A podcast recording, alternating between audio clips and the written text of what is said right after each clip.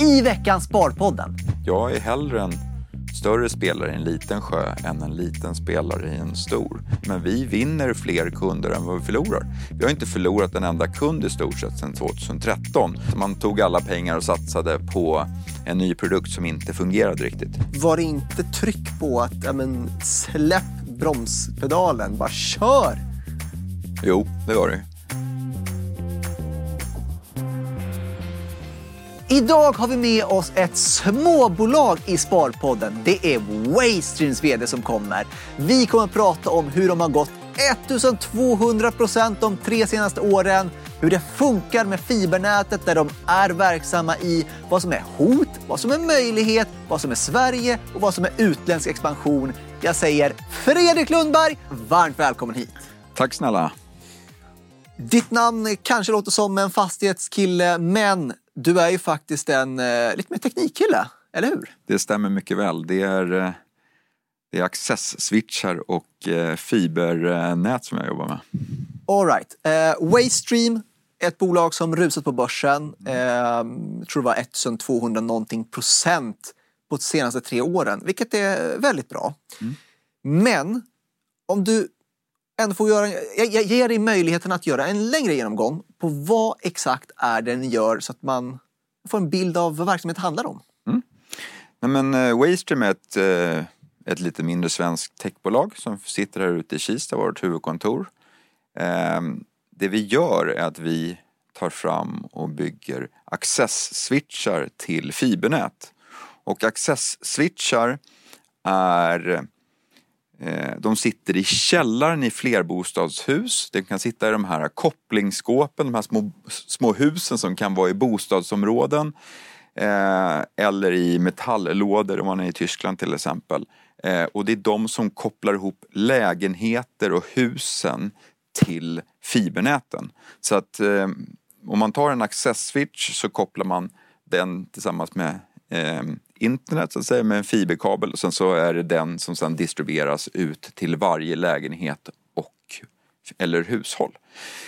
Um, så att eh, det vi bygger är själva den fysiska access-switchen. Vi tar fram mjukvaran i den eh, och sen säljer vi eh, alltså kringliggande produkter. Så att det är att ta fram teknik och helt enkelt möjliggöra att eh, leverera internet till, eh, till alla konsumenter. Och våra kunder är stadsnät, operatörer och fastighetsbolag. Så att när, för kunden kommer inte, vi konsumenter kommer aldrig i kontakt med oss utan det är stadsnäten eller eh, operatörerna som gör. Alltså basically de som byggde min bostadsrättsförening, eller min bostadsrätt, Mm. de kom i kontakt med er, men inte jag. Exakt. Eh, man kan väl säga att eh, för dig som privatperson så när du, om du vill ansluta internet till ditt hus, om du inte har det redan, så ringer du till, till en operatör och eh, om det då är ditt stadsnät eller din, en operatör, då kommer de att koppla ihop en access-switch med modemet som du har i din, eh, i din lägenhet eller i ditt hus. Och eh, så att eh, det, hur vi säljer och hur vi jobbar är att vi har kontakt med stadsnäten och med operatörerna och helt enkelt får dem att använda våra produkter. Och vad, när du säger stadsnätet, vad syftar du på då? Är det fiberkopplingen i Mm. Alltså, staden eller? Stadsnät, hur man bygger i Sverige så är det många elbolag och kommuner som äger sina egna fibernät för att säkerställa att hushållen har fiber. De är kanske inte lika en operatör, ta Telia, Bahnhof, Tele2 eller vad de, nu kan, vad de nu kan heta. Alla de har ju kommersiella grundsyften. Medan kommunen kanske vill säkerställa att i Falun eller i någon annanstans att samtliga bostäder har tillgång till fiber för att man vill att folk ska bo i kommunen. Så då kan det finnas anledning att säkerställa att man by- bygger ut fibernäten lokalt. Och då är det energibolagen eller eh, kommunala stads... Eh, ja, fiberbolag helt enkelt. Så det är en kombination. Så att det är, så att I Sverige så finns det drygt 170 stadsnät till exempel. Ja. Eh, Okej, och eh, vi har fått in jättemånga tittarfrågor mm. och till er som gillar att skicka tittarfrågor, följ mig Nordnet Ara på eh, Twitter så kan ni alltid skicka till avsnitten lite tittarfrågor. Eh, Investacus frågar hur skyddar de sig från konkurrenter? Och då tänker jag så här, har ni patent? Eh, vad, vad är det som gör att ni är unika? Hur skyddar ni er? Alltså, säger så här att vi jobbar ju på en väldigt konkurrensutsatt marknad såklart, som man gör på, inom de flesta industrier.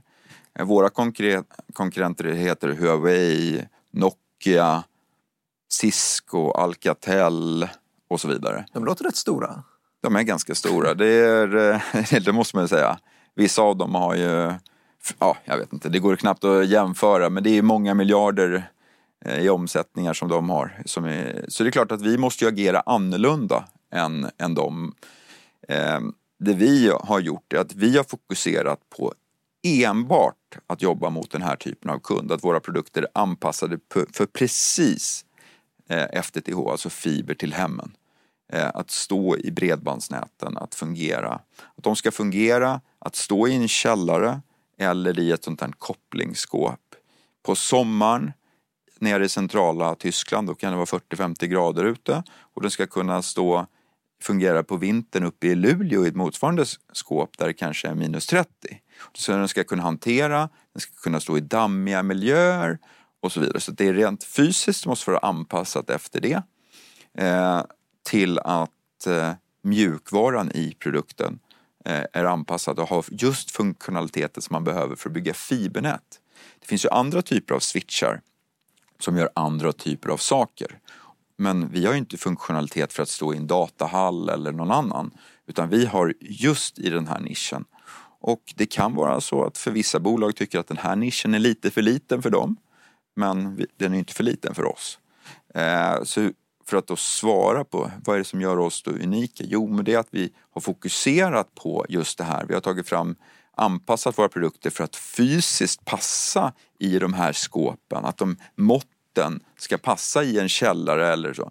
Det är med fläktar kunna hantera att stå i en dammig, varm, kall miljö i tio år utan att någon behöver eh, fungera. Samtidigt som vi har tagit fram mjukvaran för att kunna göra just de funktioner som finns och ska funka för de här näten. Jag noterar ju på att på er sida så pratar ni om att ni kör premiumlösningar. Mm. Menar du då att ni eh, kör mer att de, de, ska kunna klara sig i minus 30 och plus 40 grader och så vidare snarare än att ni konkurrerar med priset? Alltså, just funktionaliteten, att funktionaliteten möter de kraven och lite till. Att, eh, att de ska kunna stå längre. Man tittar på total cost of ownership. Hur länge kan en sån här produkt stå i nätet? Är det fem år eller är det sju år eller är det tio år? Hur länge fungerar de? Det är ju en aspekt. Eh, och när man lägger ihop allting så är våra produkter, vi är absolut inte billigast på marknaden utan det vi har är att Eh, vi har bra hårdvara, vi har en bra fungerande mjukvara som är anpassad för just det här.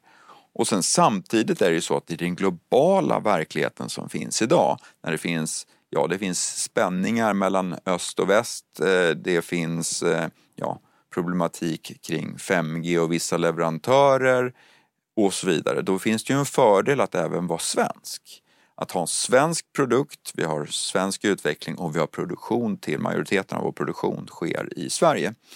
Eh, vilket gör att, så det är klart att det finns absolut, jag kan gå in på tekniskt och be beskriva varför vi är bättre på vissa saker men det finns andra som är bättre också utan det är en helhetstänk. Sen jobbar vi mycket med hållbarhet, vi har ehm, ett fokus på att eh, ha um, koldioxidneutrala eh, produkter. Eh, så vi försöker göra saker och ting för att helt enkelt driva, driva en förändring. Och eh, vi upplever att alla de här små komponenterna gör oss unika. Ja, och prata om patent och så, absolut. Men i grunden så är det inte patenten som gör det utan det gäller att det fungerar, att vi är nära kunderna, att vi levererar, att det funkar. För vi jobbar med IT det är ju fortfarande så att även våran mjukvara kan gå sönder. Om du har eh, liksom Office-paketet eller om du, köper en, om du köper en laptop från Dell så kan du byta den till en HP. Men det är ju fortfarande, men du måste ju kunna eh, Windows till exempel.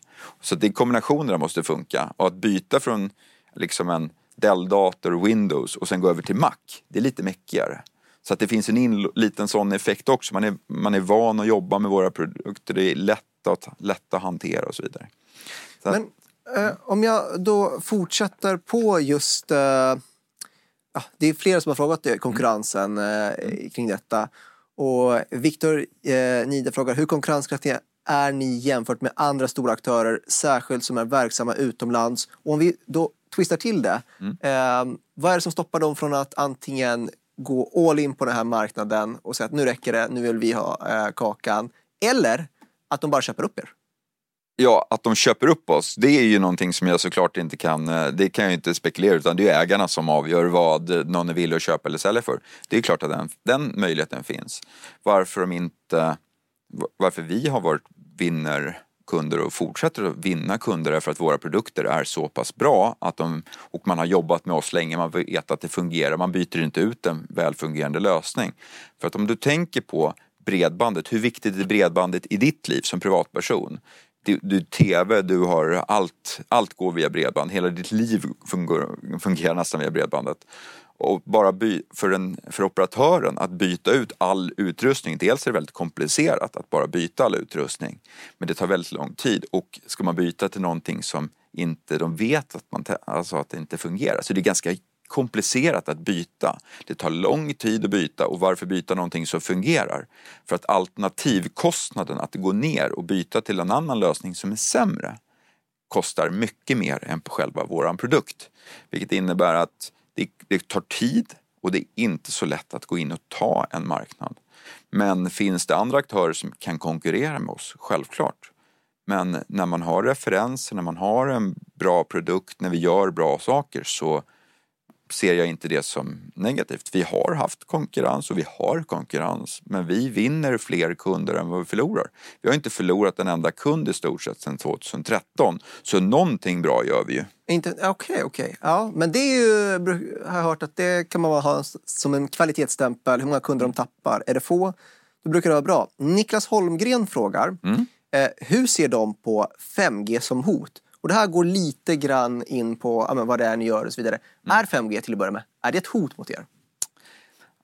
Nej, jag, jag kan inte se det. Alltså 5G ska ju eh, öka kapacitet, eh, för, förbättra latency och alla de sakerna. Så det ska ju vara en klart bättre teknik. Men kommer det att räcka ut till varenda hushåll i hela Europa eller i hela Sverige? Det tror inte jag. Jag tror inte att kostnaden, för vad man måste göra om du skulle, för en operatör, det är att man måste ansluta alla de här 5G-masterna äh, som måste stå väldigt nära, måste stå inom 200 meter eller något sånt där. Oj. Så de måste stå väldigt nära varandra för att du ska ha den här äh, latency. Eh, och de måste ju anslutas till fiber. Så dels måste det finnas fiber i marken. Eh, så att det, och finns det någon poäng att, att ha en, en för att i 4G eller i 4G eller 5G så antar jag att väder, vind, externa förutsättningar ska gå genom luften påverkar. Eh, om det är träd eller eh, regn eller vad det nu kan vara, det kommer att påverka. Eh, Medan en fiber är ju konstant, den är nedgrävd i marken. Så att ser jag det som ett, absolut det kan vara på enstaka ställen, men dels på alla ställen där det finns fiber så kommer man ju fortsätta ha fiber. Så jag ser inte det som ett eh, hot, men komplement och det är bra om ju mer eh, internet till oss alla desto bättre blir det och vi kommer få nya tjänster och nya möjligheter men ser det som ett, att fibernäten och uppkopplade hushåll hem, det tror inte jag kommer vara ett, en risk. Men rätta mig om jag har fel att eh, i Sverige ligger vi ganska långt fram med fiberutrullningen mm. eh, och kanske inte lika långt i andra delar av Europa. Mm. Hur är expansionsmöjligheterna eh, och utsikterna i resten av Europa? Alltså i Sverige så har vi drygt 3,5 miljoner anslutna hushåll. Jag tror vi har 4 miljoner 4,1 eh, miljoner hushåll och sånt där totalt. Jag tror att det är 3,5 miljoner som är anslutna. I Tyskland finns det också drygt 3,5 miljoner hushåll anslutna men det är bara det att de bor ju 70-80 miljoner människor där. Så att de har ju väldigt många hushåll som ska anslutas. Eh, och så är det i många andra länder. I Österrike så har de eh, 200 000 eh, hushåll anslutna tror jag och eh, de är lika stora som Sverige. Så det är klart att det kommer att läggas väldigt mycket fiber och det, det kan ju bara titta på Hexatronic. Många jämför ju och tror att vi och Hexatronic är samma ja. bolag. Men de lägger ju ner fibern i marken och sen har de kringliggande tjänster, rör och allt sånt. Så att först lägger man ju ner fibern i marken. Men sen så måste man ju ansluta fibern till hushållen och det är då som vi kommer in. Sen är det ju ingen som investerar i fiber i marken om man inte har för avsikt att ansluta hushåll och börja tjäna pengar. Det finns ju ingen operatör eller ett stadsnät som tänker vi låt oss ta de här miljoninvesteringarna i fiber och lägga ner med marken. Men vi tänder dem inte. För att det är ju själva abonnemangen sen som är deras intäkt som ska betala för kostnaden. Så att, eh, och det är först när betalningen börjar ske, det är då våra tjänster kopplas in. Så att vi, så att vi har ju möjligheten att, etablera oss men skulle man ju se på att Hexatronic slutar att eh, växa och man inte ser att fler hushåll ansluts. Ja då är det såklart att då kommer inte våran eh, marknad växa så mycket. Men våra produkter byts ut kontinuerligt. Eh, för, säg att vi har en livslängd på våra produkter i 5 till 10 år någonstans där. Man skriver, operatörer och stadsnät skriver av dem på fem år. Så man brukar, var femte år någonstans där börjar man byta ut dem. Men säg mellan fem och tio, var tionde år så byter man ut produkterna. Så att en, våra kunder, så vi har ju kunder som började köpa av oss år 2000. Och sen har de köpt fyra, fem omgångar med switchar. Medan för Hexatronic eller andra fiberoperatörer, inte bara dem. Men när du väl har lagt ner fiber, den ska ju ligga där i 50 år. Så de kan ju inte tjäna samma pengar men vi har ju en, eh, en återkommande kundrelation med våra kunder. Och om man eh, kikar på just eh, det här återkommande. Mm. Eh, kan man se någonstans redan nu att men vi hade en boom av kunder 2021, 2022 så vi bör se plus fem år eh, så kommer det komma nya kunder där då. Kan man räkna så på er? Absolut. Eh, för att det finns en eh, med, det, det, är cykliskt och sen är det så att det som gör det enkelt eller svårt men eh, när man bygger eh, fibernäten så gör man ju det kontinuerligt för att det, du måste in i varenda lägenhet, du måste ansluta in i varenda källare. Det är mycket, alltså det är mycket handhavande för att göra det här. Så att det är inte bara ansluta tusen eh, eh, fastigheter på samma gång. Så att det finns ett hela tiden rullande affär, att man byter, uppgraderar näten kontinuerligt. Så att när vi har fler kunder så blir det eh, Sen kan det vara att en operatör eller ett stadsnät väljer att göra en stor uppgradering. Om man gör ett nybyggnation till exempel. Vi kan ta Hagastaden i, i Sverige som ett exempel. Jo men först så drog man ju fiber in, in i alla hus, det var Hexatronic där. Eh, och, eller någon av deras konkurrenter. Och sen så när det väl är dags att folk ska börja flytta in, då kommer ju operatören, antingen stadsnäten eller operatören och kopplar in våra access-switchar och så kopplar man ihop det med varje lägenhet. Så då kan det komma ut väldigt mycket under en enstaka kortare period. Men om, då, om fem år så kommer de kanske börja bytas ut. Men i annat fall är det ett mer etablerat del, ja, men då byts det ut lite i taget. Men vilka marknader är det ni fokuserar extra mycket på då? Är det Tyskland? Absolut. Vi brukar prata om Sverige, övriga Norden och Centraleuropa som är våra fokus där en stor del av vår försäljning sker i Sverige och i övriga Norden idag. Och sen håller vi på att lägga stort fokus på Centraleuropa där vi har försäljning och nu mer specifikt på Tyskland. Så vi har öppnat vårt första kontor i Hamburg, det gjorde vi i början på januari och vi har eh, anställt ett antal säljare och med det så enkelt för att driva våran försäljning. Och grunden är att vad vi ser, vi har, vi har jobbat mot marknaden under en längre tid men det är svårt att få någon annan att bry sig lika mycket om vår försäljning som vi gör. Och då är, har vi sett att, att driva på intresset kring våra produkter eh, Eh, är viktigt och då måste vi ha vår egen försäljningsavdelning lokalt. Så att vi har i Tyskland så är det också en marknad som är komplex på det sättet att det är klart att det finns likheter mellan Sverige och Tyskland. Eh, men det finns också väldigt mycket olikheter. Eh, och att tyskar tycker om att, sälja, att köpa på tyska av tyskar.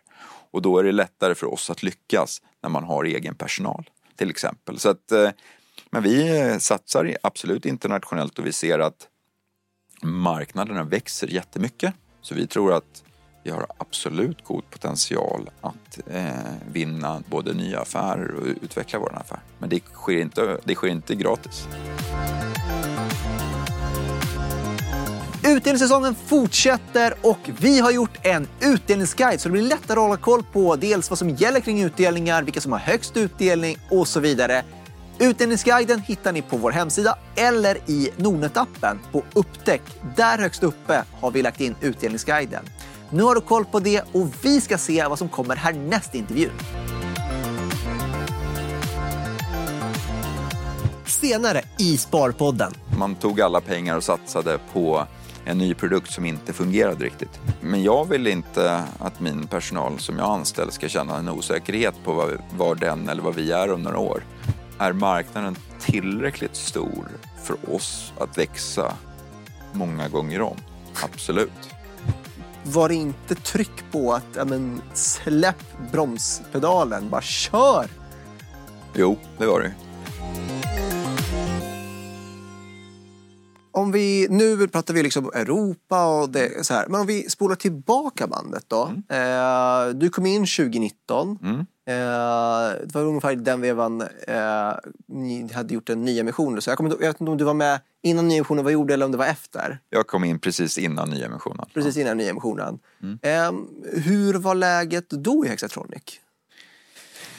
I Hexatronic vet jag inte men eh, alltså, det är utifrån fiber Alltså fiberbranschen har ju varit, eh, varit välfungerande under, under en lång tid så det har varit mycket nybyggnation. Men ur ett Waystream-perspektiv där vi var då var att man hade gjort felsatsningar i teknikvalen. Eh, man hade velat utveckla, bygga nya produkter som eh, ja, bredda vårt sortiment kan man väl säga. Så man tog alla pengar och satsade på en ny produkt som inte fungerade riktigt.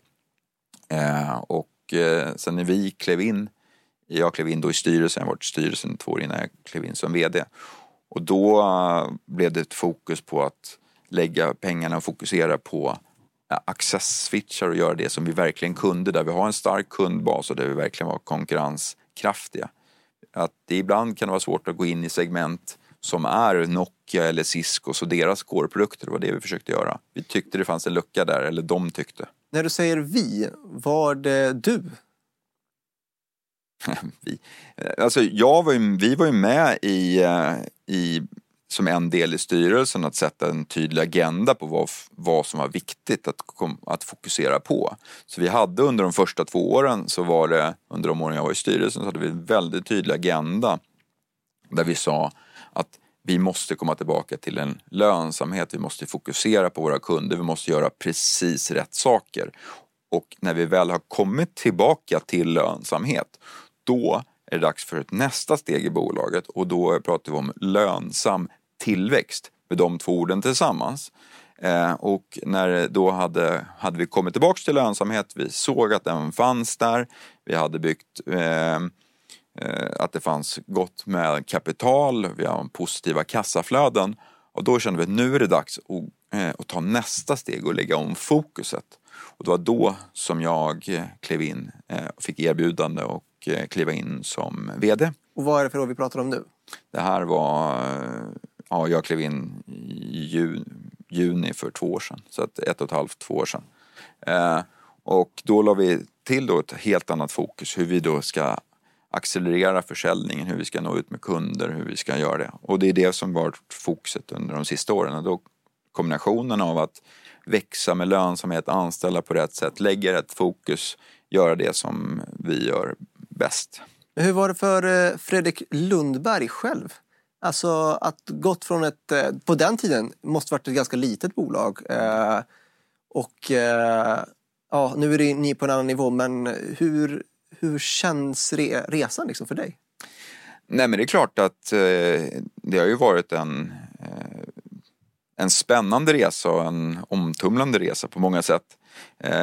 Jag har ju jobbat i telekom, telekombranschen eh, hela mitt, eh, sen universitetet. Så att, men att ta steget till ett mindre eh, teknikbolag, det är inte alltid självklart. Men Eh, men jag tyckte det fanns en god potential och en bra... Eh, jag tyckte vi hade ett bra spännande team och bra fungerande produkter och eh, trodde att jag kunde göra skillnad. Eh, och, och, under de här ett och ett halvt åren så har det varit, eh, ja, snart två, så har det verkligen varit ett fokus på att vinna nya kunder och, och vi har verkligen fått en acceleration i, i det under, ja, under Förra året så vann vi fler nya kunder under de första nio månaderna än vad vi gjorde de två åren innan tillsammans.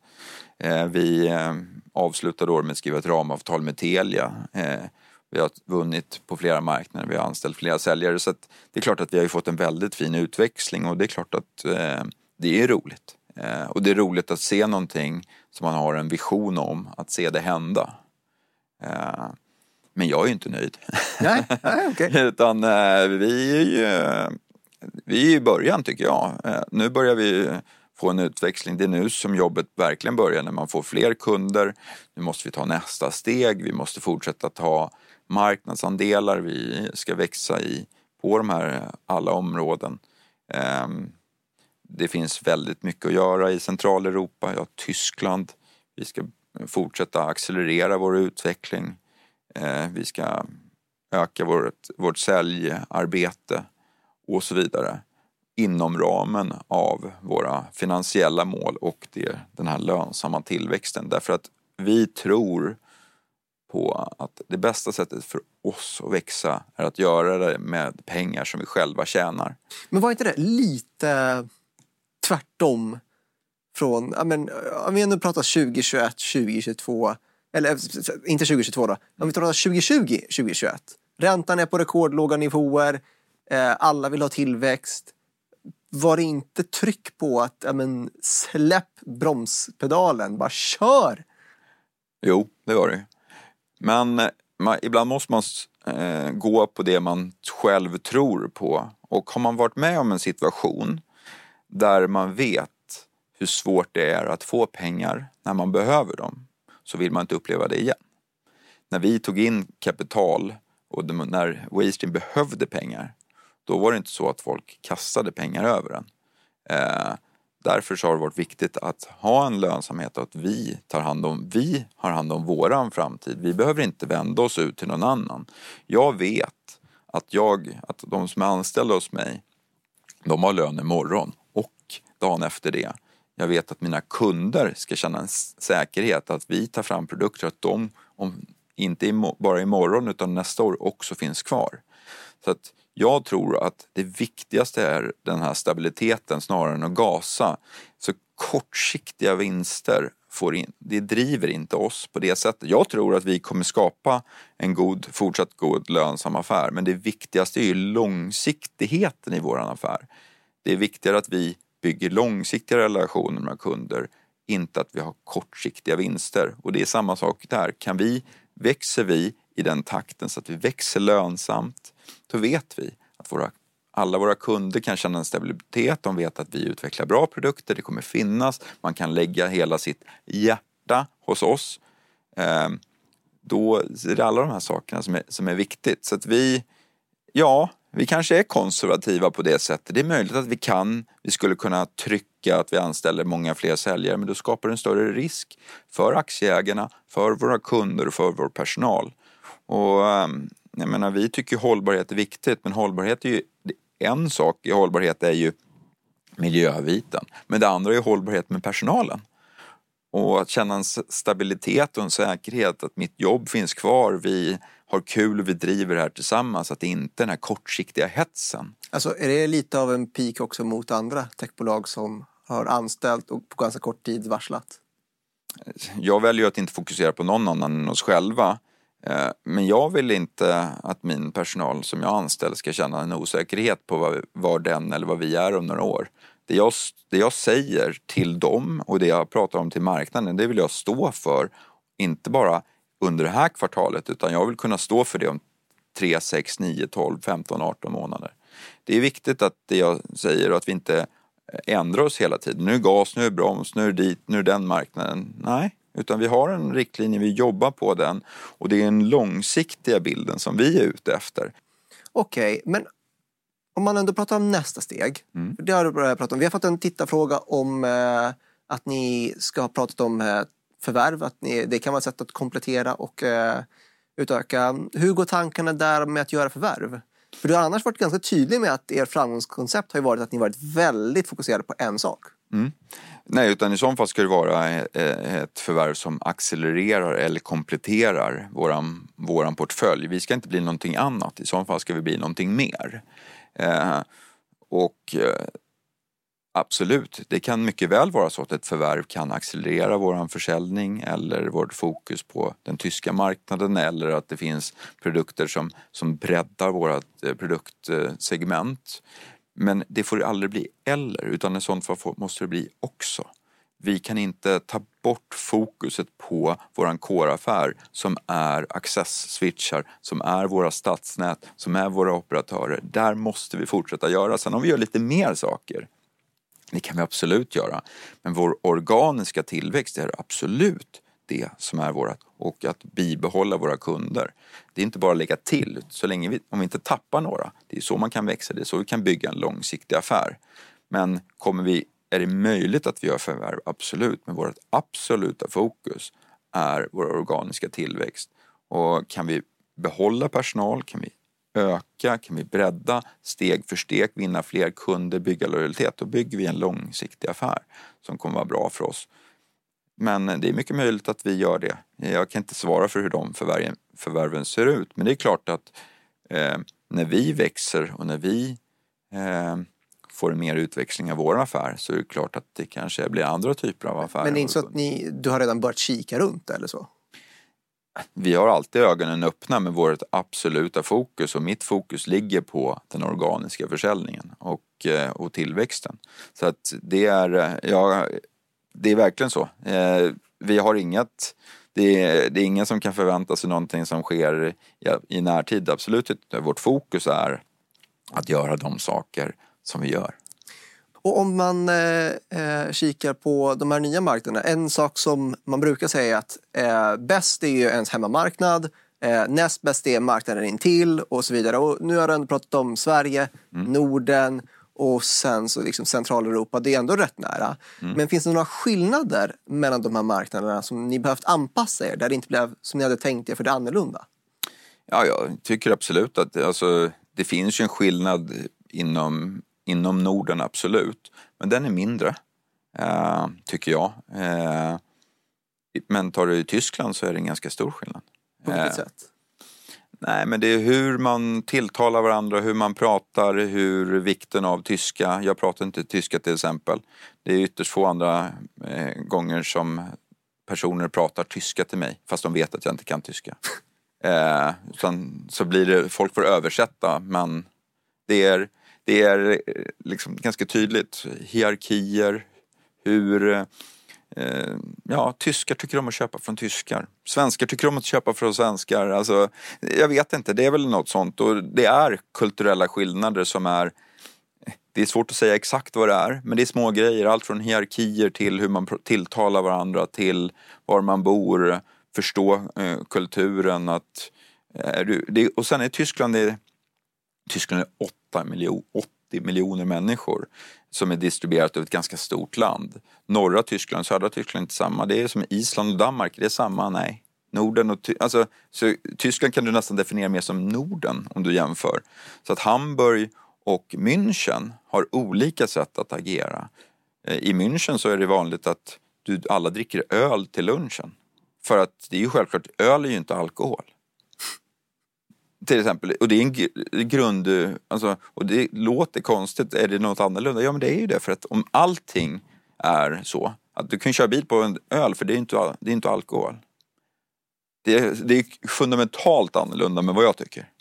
Och om, man då, om det är så annorlunda och så vidare, eh, och vi har pratat om förvärv delvis och att de eh, gillar att handla från tyskar. Eh, hade det inte varit enklare att liksom för att accelerera tillväxten i Tyskland att köpa ett tyskt bolag ungefär i er nisch och sen bara eh, ta deras försäljningskanaler? Det hade det kunnat vara. Eh, om man hittar någonting som är i våran storlek som är möjligt.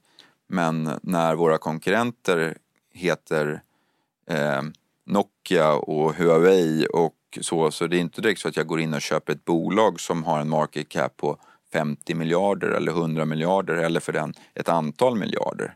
Så att det, är ju, det gäller att hitta någonting som vi själva skulle kunna köpa för att det skulle kunna vara relevant. Så det är klart att ur den aspekten så är det svårare att accelerera köp. Så det gäller att hitta rätt och att det mappar med det vi gör. Men eh, det är klart att, eh, att det, men eh, det är inte säkert att är någonting till salu så behöver det inte vara tillräckligt fint. Så det behöver inte betyda att det är, finns den tillväxten eller den möjligheten. Så att, att bara säga att köp är den självklara resan, det se, kan man ju se på eh, många som gör, som har haft fina förvärvsresor under de sista åren när det har varit gratis med pengar men nu när man ska börja skapa de här synergierna så märker man att det inte, att det inte är så enkelt. Och, eh, utan då, då kanske vi ska fokusera på det vi är bra på. Och det är väl det som har varit vår framgångs, eh, framgångssaga, eller saga, men vår, det som har varit grunden till varför vi har lyckats är för att vi gör det vi är bra på. Vi gör ingenting annat utan men vi gör lite mer av det. Vi gör lite mer imorgon än vad vi gjorde igår. Om, men om man eh, tar den här, eh, du har varit inne lite grann på den då, eh, det här med Huawei och den politiska spänningen mellan väst och Kina. Mm. Hur känsligt är det i access-switchar där ni håller på med Eh, den här politiska grejen? Har ni en fördel jämfört med Huawei för att ni inte är från Kina då? Eh, absolut, det är klart att eh, just att de här alltså, att det har tagits politiska beslut som till exempel att man inte får ha eh, kinesisk infrastruktur i 5G-näten. Det är klart att det påverkar. Eh, det är klart att eh, det ger smittoeffekter. Eh, så ja, folk Eh, väljer att inte köpa av kinesiska leverantörer av olika anledningar. Ta, vi kan ta i, i UK Telecom Act till exempel så har de beroende på storlek på, på leverantörer så är man en stor operatör med en, en omsättning över visst antal miljarder. Då måste all utrustning från kinesiska leverantörer vara ute ur nätet senast 2025. Annat fall blir man av med sin operatörsstatus. Eh, kan det hända i eh, Europa och i Sverige? Möjligt, jag vet inte. Och Huawei var marknadsledande i Sverige, i Norden och i Centraleuropa för de tidigare åren. Och det är klart att färre köper av dem idag än vad de gjorde för ett par år sedan. Och eh, om du själv, liksom, du pratar mycket om låg personalomsättning. Du, jag antar att det finns någon tanke om att du ska ha en väldigt stark eh, personalkultur och företagskultur. Mm. Eh, hur sätter du det när organisationen geografiskt inte är samlat på ett och samma ställe i Kista? Nej, men det gäller att jobba tillsammans. Jag är en del i Tyskland. Vi försöker ha, jobba väldigt som ett team. Men eh, det gäller också att bygga en lokal kultur på de ställena. Vi, vi har eh, personal i Sverige, vi har personal i Tyskland, vi har personal i Kina och vi har eh, konsulter i Indien. Så det gäller att säkerställa att man jobbar ihop som ett team men också att man bygger den lokala kulturen. Att ha kul tillsammans, att vinna och förlora tillsammans, att vara ett företag. Så att, eh, nej men kultur är viktigt och att hitta våra värden, att eh, jobba mot samma mål, att eh, man ska trivas och att du ska tycka det är kul att komma till jobbet. Eh, att det inte ska kännas som en uppoffring. Eh, att det, vi, vi är på, till exempel vi är på kontoret eh, två dagar i veckan. Ehm, för att, och det, ska, det är fördefinierade dagar så att man ska träffas. Det, det viktigaste är inte tiden. För alltså, jag vet alltså, att folk gör sitt jobb. Så det handlar inte om att visa upp sig. Det är Facetime, jag måste komma in först och jag ska vara kvar sist det är snarare tvärtom. Det viktigaste är att man är där. Man äter tillsammans, vi fikar, vi pratar, eh, bygger kulturen. För att om man känner varandra och man eh, känner varandra och man diskuterar saker. När det helt plötsligt kommer ett problem, då hjälper man varandra. Så det är en oerhört viktig aspekt i att hur vi har byggt, att vi har hängt ihop, att eh, vi alla avdelningar jobbar tillsammans. Vilka dagar är det? Måndagar och onsdagar. Måndagar och onsdagar. Mm. Kommer inte ihåg vem, jag tror det var Rutger Arnhold som mm. sa att det bästa är måndagar och fredagar för det är då eh, folk, folk annars riskerar att ta ledigt på eh, för att få långhelg. Och här är sista frågan. Och det kommer, jag tar en tittarfråga från Emil mm. som undrar hur stor är marknaden? Ja, marknaden är... Ja, det beror på lite man kan, hur man kan definiera marknaden för att det, den är ju stor. Men varenda hushåll som har fiber behöver en access switch. Eh, och om vi tar, vi kan bara göra en, en, en uträkning. Det finns 3,5 miljoner hushåll i, i Sverige. Man kanske i snitt ansluts 30 hushåll per access switch. Så det finns en drygt 120 000 access switchar i, i Sverige. Där man byter ut dem var sjunde år kanske i snitt. Så man kanske byter ut eh, 16 till 20 000 om året eller något sånt där. Och de snittpriset kanske ligger någonstans mellan ja, 15-20 000 i, beroende på vad man köper för produkter. Så att, ja, det är ju eh, det är många hundra miljoner. Sen så är det ju supportkostnader och sen så är det tillbehör och sen är det ju tillväxtmarknader man beställer mer. Så det är klart att det finns ju både en snurrande affär man byter ut och sen så är det nybyggnation. Så att eh, på den europeiska skalan är det många, det är många miljarder. Eh, och eh, och eh, detsamma som i, i Norden. Så att, att det finns väldigt mycket mer att växa på för oss. Gör det. Sen finns det olika teknikval. Det finns alla potentiella kunder är inte rimliga för oss att nå. Är marknaden tillräckligt stor för oss att växa många gånger om? Absolut. Så att, eh, och det finns frågor inom teknikval, det är svårt att gå in på det i det här fallet men eh, det finns någonting som heter Eh, G-pon och point-to-point. Det finns lite olika teknikval. Och det ena teknikvalet som heter G-pon är lite större. Man säger att 80 av den här marknaden om fem år kanske är den. Men då, då är det det vi säljer är 20 av marknaden. Men om alla de stora fokuserar på den stora delen av marknaden så kan vi fokusera på den här lilla marknaden som är en mångmiljardmarknad. Så jag är hellre en större spelare i en liten sjö än en liten spelare i en stor. Och att gå heads up mot Nokia på deras absoluta core, det är tufft. Så att eh, kan vi lyckas inom våra segment så finns det jättemycket. Så jag är inte det minsta orolig för marknad, marknaden utan det jag är mest orolig för är hur vi kan vi ta så stor del av marknaden som jag önskar. Det, och det, och det gör vi, jobbar vi på, att vi ska vinna fler kunder och, på samtliga segment. Så att eh, eh, lite, mer, eh, lite mer och lite, om vi gör lite mer varje dag så kommer det här bli väldigt bra på sikt. Och med de poetiska orden att vara en, eh, vad är det man brukar säga, stor fisk i en liten skål istället för en liten fisk i en stor skål. Ja, eller vad det nu är. Så äh, får jag tacka så mycket som dig. Äh, tacka så mycket för att du var här Fredrik. Vi har fått lära oss en hel del om access-switchar som jag hade nästan noll koll på för en vecka sedan. Mm. Äh, vi Sparpodden är ju tillbaka nästa vecka. Då kommer det bli spel med Paradox för Fredrik Wester kommer att hälsa på. Stort tack! Tack, tack. Och på återseende till er tittare.